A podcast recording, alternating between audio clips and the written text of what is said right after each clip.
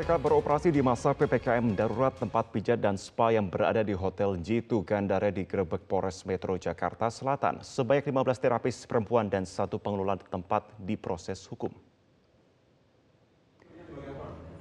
Petugas Satreskrim Metro, maksud kami petugas Satreskrim Polres Metro Jakarta Selatan pada Senin malam gerebek tempat pijat dan spa yang berada di Hotel G2 Gandaria Jakarta Selatan. Tempat pijat dan spa tersebut dianggap melanggar lantaran nekat beroperasi pada saat pemberlakuan PPKM darurat oleh pemerintah. Selain mengamankan 15 perempuan terapis dan satu pengelola tempat tersebut, petugas akan juga menyita buku tamu serta menjatuhkan sanksi berupa penyegelan hingga hukuman pidana karena telah melanggar undang-undang karantina wilayah. Polisi mengerebek sebuah bar di Jakarta Utara yang nekat buka saat pemberlakuan PPKM darurat di Jawa dan Bali. Puluhan orang pengunjung yang kebanyakan warga negara asing ditangkap.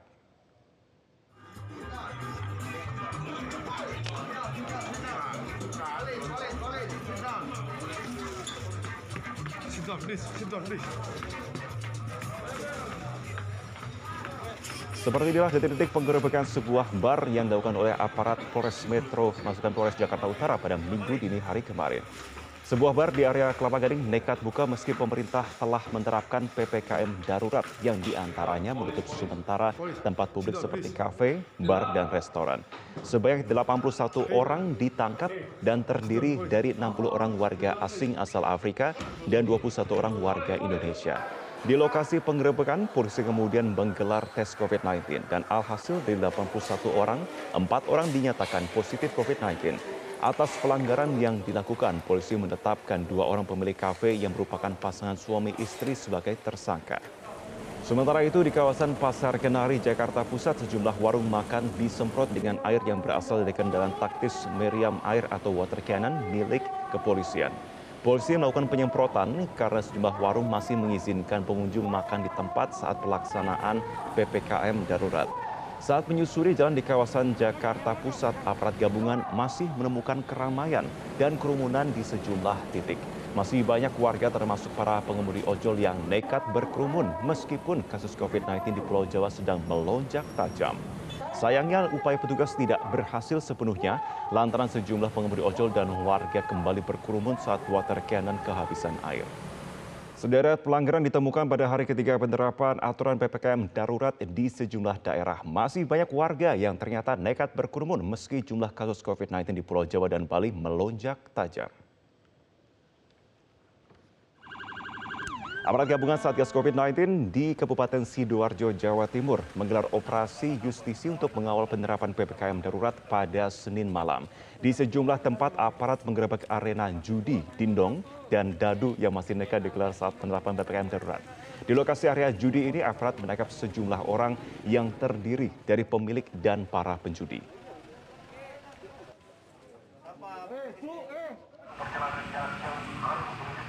Sementara itu di Sukabumi, Jawa Barat, pemirsa aparat gabungan masih menemukan kerumunan warga di tengah penerapan PPKM darurat. Di sepanjang Jalan Siliwangi hingga Jalan Karangtengah, polisi membubarkan kegiatan yang melanggar aturan. Di salah satu tempat, aparat bahkan menemukan tempat olahraga futsal yang masih dibuka. Tidak hanya itu, aparat juga membubarkan kerumunan warga yang bersembunyi di sebuah bangunan yang dimatikan lampunya. Indeks harga saham gabungan Bursa Efek Indonesia pagi ini dibuka menguat setelah kemarin ditutup melemah. Untuk mengetahui informasi selengkapnya kita bergabung bersama Mercy Wijaya langsung dari studio Bursa Efek Indonesia. Mercy, kemarin sebetulnya rekor tertinggi untuk COVID, tetapi kelihatannya itu tidak terlalu berpengaruh kepada eh, Bursa Efek Indonesia. Apa yang menyebabkan penguatan pagi ini, Mercy? Sejumlah analis menilai penguatan pada indeks harga saham gabungan hari ini disebabkan oleh penguatan secara teknikal. Dan kami pantau pun pagi hari ini terjadi penguatan signifikan pada saham sektor teknologi, kesehatan, energi, dan siklikal. Sehingga menopang kinerja indeks harga saham gabungan. Namun analis melihat ada beberapa hal yang memang menjadi pemberat kinerja indeks harga saham gabungan di antaranya kasus COVID-19 yang masih terus meningkat di Indonesia. Bahkan kemarin menyentuh rekor dengan penambahan kasus baru 29 ribu dalam satu hari. Dan ini bisa menjadi sektor yang memberatkan kinerja indeks. Kalau kita lihat penguatan pada indeks harga saham gabungan juga terbatas, hanya naik 0,28 persen atau naik 17 poin di level 6023.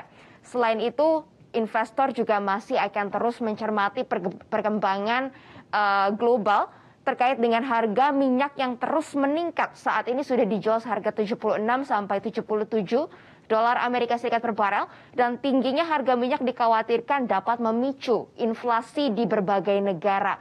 Padahal saat ini eh, negara-negara masih berjuang untuk pulih dari uh, efek ekonomi akibat pandemi COVID-19 dan inflasi bisa mengurangi daya beli masyarakat. Hal inilah yang masih terus diperhatikan oleh investor sehingga indeks kawasan Asia juga pagi hari ini pergerakannya variatif dan fluktuatif. Kita bisa lihat indeks Nikkei naik 0,28 persen, indeks Hang Seng Hong Kong melemah 0,66 persen, dan indeks Setem Singapura menguat paling tinggi sampai 0,83 persen. Selain itu, investor di kawasan Asia juga menunggu hasil rapat Dewan Gubernur Bank Sentral Australia yang hasilnya akan diumumkan siang nanti. Prediksinya Bank Sentral Australia masih akan tetap menahan suku bunga acuan di level 0,1 persen. Dan kalau kita lihat indeks di Amerika Serikat malam, ke, uh, malam kemarin masih libur merayakan hari kemerdekaan, sementara indeks di kawasan Eropa menguat. Indeks FTSE 100 naik 0,58 persen dan indeks di Jerman The DAX naik tipis 0,08 persen.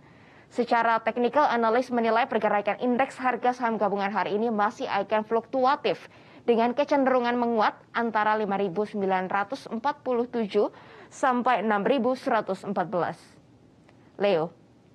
Dengan nilai tukar rupiah terhadap dolar pagi ini, Mercy.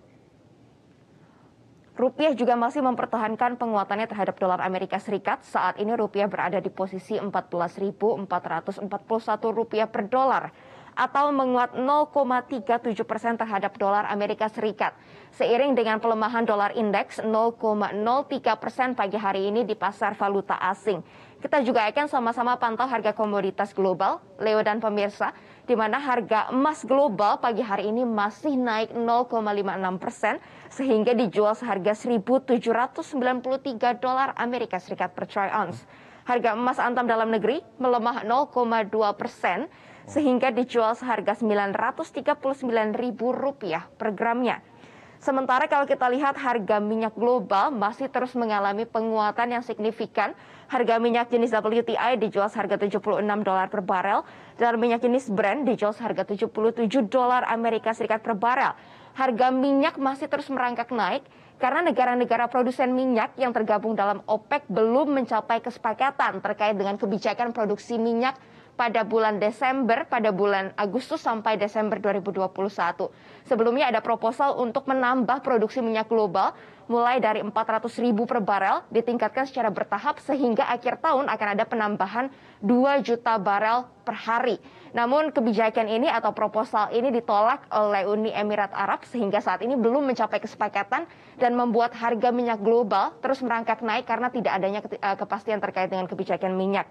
Dan inilah yang dikhawatirkan dapat memicu inflasi di berbagai negara karena tingginya ongkos produksi untuk uh, bahan bakar uh, eh, BBM, bahan bakar minyak yang berasal dari minyak global tersebut. Dan untuk pergerakan nilai tukar rupiah sendiri hari ini prediksinya secara teknikal masih akan cenderung menguat antara 14.450 sampai 14.650 rupiah per dolar Amerika Serikat. Pertumbuhan ekonomi Indonesia pada semester pertama 2021 diperkirakan berada di kisaran 3,1 hingga 3,3 persen, sementara pertumbuhan ekonomi pada semester kedua akan sangat tergantung pada penanganan COVID-19. Dalam konferensi pers virtual usai mengikuti sidang Kabinet Paripurna dari Istana Merdeka hari Senin, Menteri Keuangan Sri Mulyani Indrawati menegaskan ekonomi Indonesia telah menunjukkan pemulihan. Namun kondisi pandemi COVID-19 yang masih berlanjut akan menahan laju pertumbuhan ekonomi nasional. Sri Mulyani memperkirakan realisasi pertumbuhan ekonomi pada semester pertama 2021 ada di kisaran 3,1 hingga 3,3 persen, dan untuk semester kedua pertumbuhan ekonomi akan sangat tergantung pada pengendalian COVID-19, terutama berapa lama kenaikan COVID dan pengetatan harus dilakukan. Dengan skenario cukup moderat, bulan Juli bisa dikendalikan dan bulan Agustus mulai ada aktivitas yang relatif normal, ekonomi nasional akan tumbuh di atas 4 persen. Namun jika COVID-19 tidak tertangani dengan baik, pertumbuhan ekonomi kuartal ketiga bisa turun di bawah 4 persen. Menteri Keuangan menyebut kebijakan PPKM mikro darurat dan percepatan vaksinasi menjadi kunci agar ekonomi bisa tetap dipertahankan momentumnya. Bila restriksinya cukup panjang karena COVID-nya masih sangat tinggi, maka pertumbuhan ekonomi untuk kuartal ketiga bisa turun uh, di sekitar 4 persen. Ini yang harus kita waspadai. Nah, untuk itu kecepatan imunitas uh, yang bisa dimunculkan di masyarakat melalui vaksinasi menjadi syarat yang penting dan juga pelaksanaan protokol kesehatan sehingga kondisi dari COVID tetap bisa dikendalikan, namun pemulihan ekonomi juga tetap bisa dipertahankan. Nah, akselerasi vaksinasi ini menjadi syarat yang sangat penting dan oleh karena itu kenaikan jumlah yang divaksin untuk bisa mencapai bahkan 2 juta per hari atau bahkan kalau kita ingin menyelesaikan sebelum akhir tahun ini maka diperlukan vaksinasi hingga mencapai 3 juta per hari pada periode Oktober November yang akan Menteri Keuangan Sri Mulyani Indrawati memastikan pencairan bantuan program perlindungan sosial di kuartal ketiga akan segera dilakukan pada bulan Juli ini. Percepatan pembayaran dilakukan untuk membantu masyarakat yang terdampak pandemi COVID-19.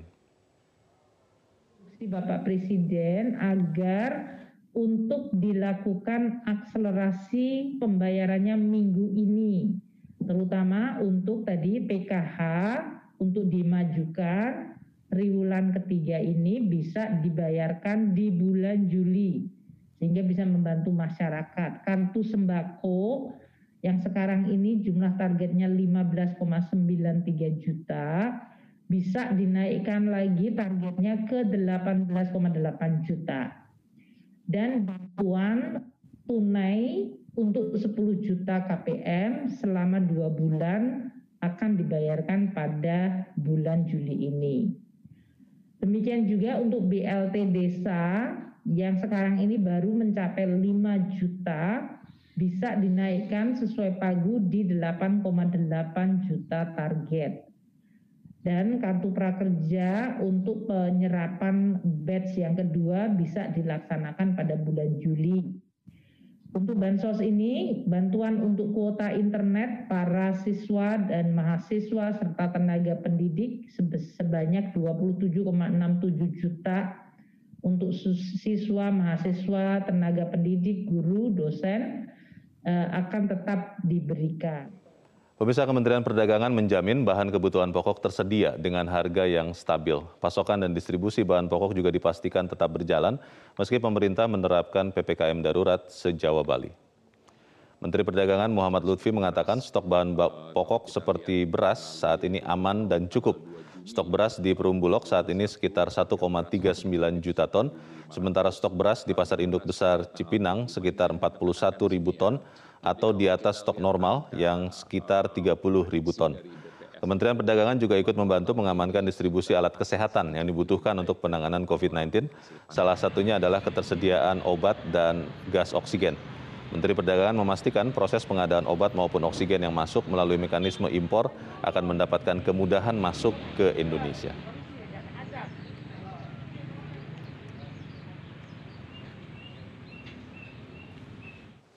Distribusi masalah alat kesehatan dan obat akan menjadi prioritas kita, terutama dalam PPK, PPKM darurat ini, memastikan bahwa semua yang memang ada bisa didistribusikan dengan baik kepada kepada masyarakat. Adapun masalah harga itu, meskipun memang kita melihat adanya supply dan demand itu, tetapi ini adalah uh, tupoksi daripada Kementerian Kesehatan, kami hanya membantu memastikan distribusinya berjalan dengan baik. Dari mana pun datangnya, kalau barang-barang itu sudah memasuk ke dalam list, terutama sekarang ini yang kita yang anda tanya itu oksigen itu itu sudah uh, sudah sudah sudah uh, sudah sudah dimasukkan ke dalam eksepsi dan itu uh, kita akan memastikan bahwa itu akan kelancaran di, di, di pelabuhan itu. Timnas Spanyol optimis bisa mengalahkan Italia pada babak semifinal. Produktivitas tim Matador pun akan diuji guna bisa memutus capaian mentereng Geli Azuri di gelaran Piala Eropa 2020.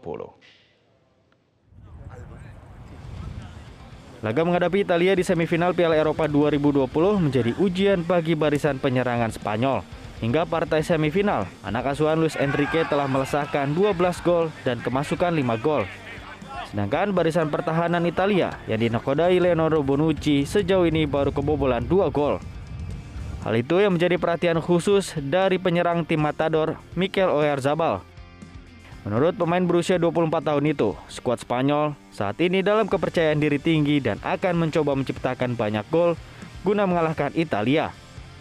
Y, y en el partido al fin y al cabo meter un, un gol más que ellos. Creo que eh, son una selección, como ya he dicho, de, de mucho nivel, con, con, jugadores de alto rendimiento en grandes equipos, pero creo que, nosotros no somos menos y creo que, tenemos que tener confianza nosotros mismos, que nosotros la tenemos, de que podemos hacer un gran partido. Sempat mengalami kesulitan dalam mencetak gol dalam fase grup, La Fulia Roja perlahan mulai menemukan gaya permainan. Meski di babak delapan besar hanya bermain imbang satu-satu dengan Swiss dan menang melalui drama adu penalti. Harry Kane dan Lorenzo Insigne menjadi pahlawan kemenangan tim mereka di babak perempat final. Sedangkan kiper Spanyol Unai Simon menjadi penentu kemenangan dramatis saat adu penalti kontra Swiss.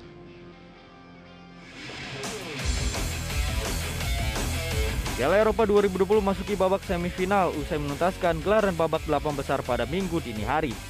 Italia, Spanyol, Inggris, dan Denmark jadi tim yang akan berlaga di babak empat besar. Sosok Lorenzo Insigne di dalam skuad Gli jadi pembeda di babak perempat final. Kontribusi serta sumbangan satu golnya ke gawang Thibaut Courtois melambungkan namanya menjadi man of the match pada laga tersebut. Tampil selama 80 menit, pemain Napoli itu mencatatkan 80% operan sukses dan tiga tembakan ke gawang. Total Insigne mengoleksi dua gol dalam empat laga di gelaran Piala Eropa 2020. Kiper Spanyol Unai Simon menjadi pahlawan kemenangan tim Matador saat mengalahkan Swiss lewat drama adu penalti. Simon mampu menghalau dua tembakan pemain Swiss, Fabian Schner dan Manuel Akanji. Sementara Kapten Inggris Harry Kane yang membukukan dua gol saat The Three Lions mengalahkan Ukraina 4 gol tanpa balas, jadi pemain yang kembali bersinar usai sempat diragukan karena minim gol saat fase grup. Melepaskan tiga tembakan tepat sasaran, Ken tampil solid di lini serang Inggris dan berhasil merebut satu tiket ke babak semifinal Piala Eropa 2020. Gelandang Denmark, Thomas Delaney menjadi nama terakhir yang bersinar di babak perempat final dan sukses membawa tim dinamit mengalahkan Republik Ceko 2-1.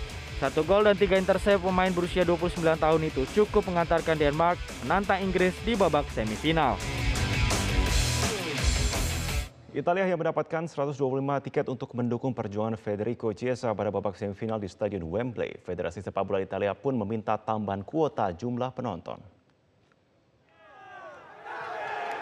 Timnas Italia akan didukung sekitar 125 supporternya saat melawan Spanyol di Stadion Wembley, London pada babak semifinal Piala Eropa 2020 Rabu dini hari.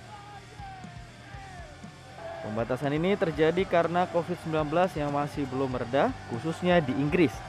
Namun Federasi Sepak Bola Italia FIGC pun menyatakan keberatan karena dari 40 hingga 50 ribu kapasitas stadion Wembley yang dibuka, pendukung Italia tidak mendapat satu persen pun dari pendistribusian tiket. Bahkan jika Gli Azzurri lolos ke partai final, hanya akan mendapat 1000 tiket bagi pendukung Italia. FIGC akan meminta tambahan tiket bagi supporter Italia yang hadir menyaksikan langsung di Inggris meski memahami situasi pandemi COVID-19 yang belum mereda. Sebelumnya, supporter Inggris juga mengalami pembatasan dengan aturan karantina saat The Three Lions menghadapi Ukraina pada babak delapan besar Piala Eropa 2020 di Stadion Olimpico Roma, Italia.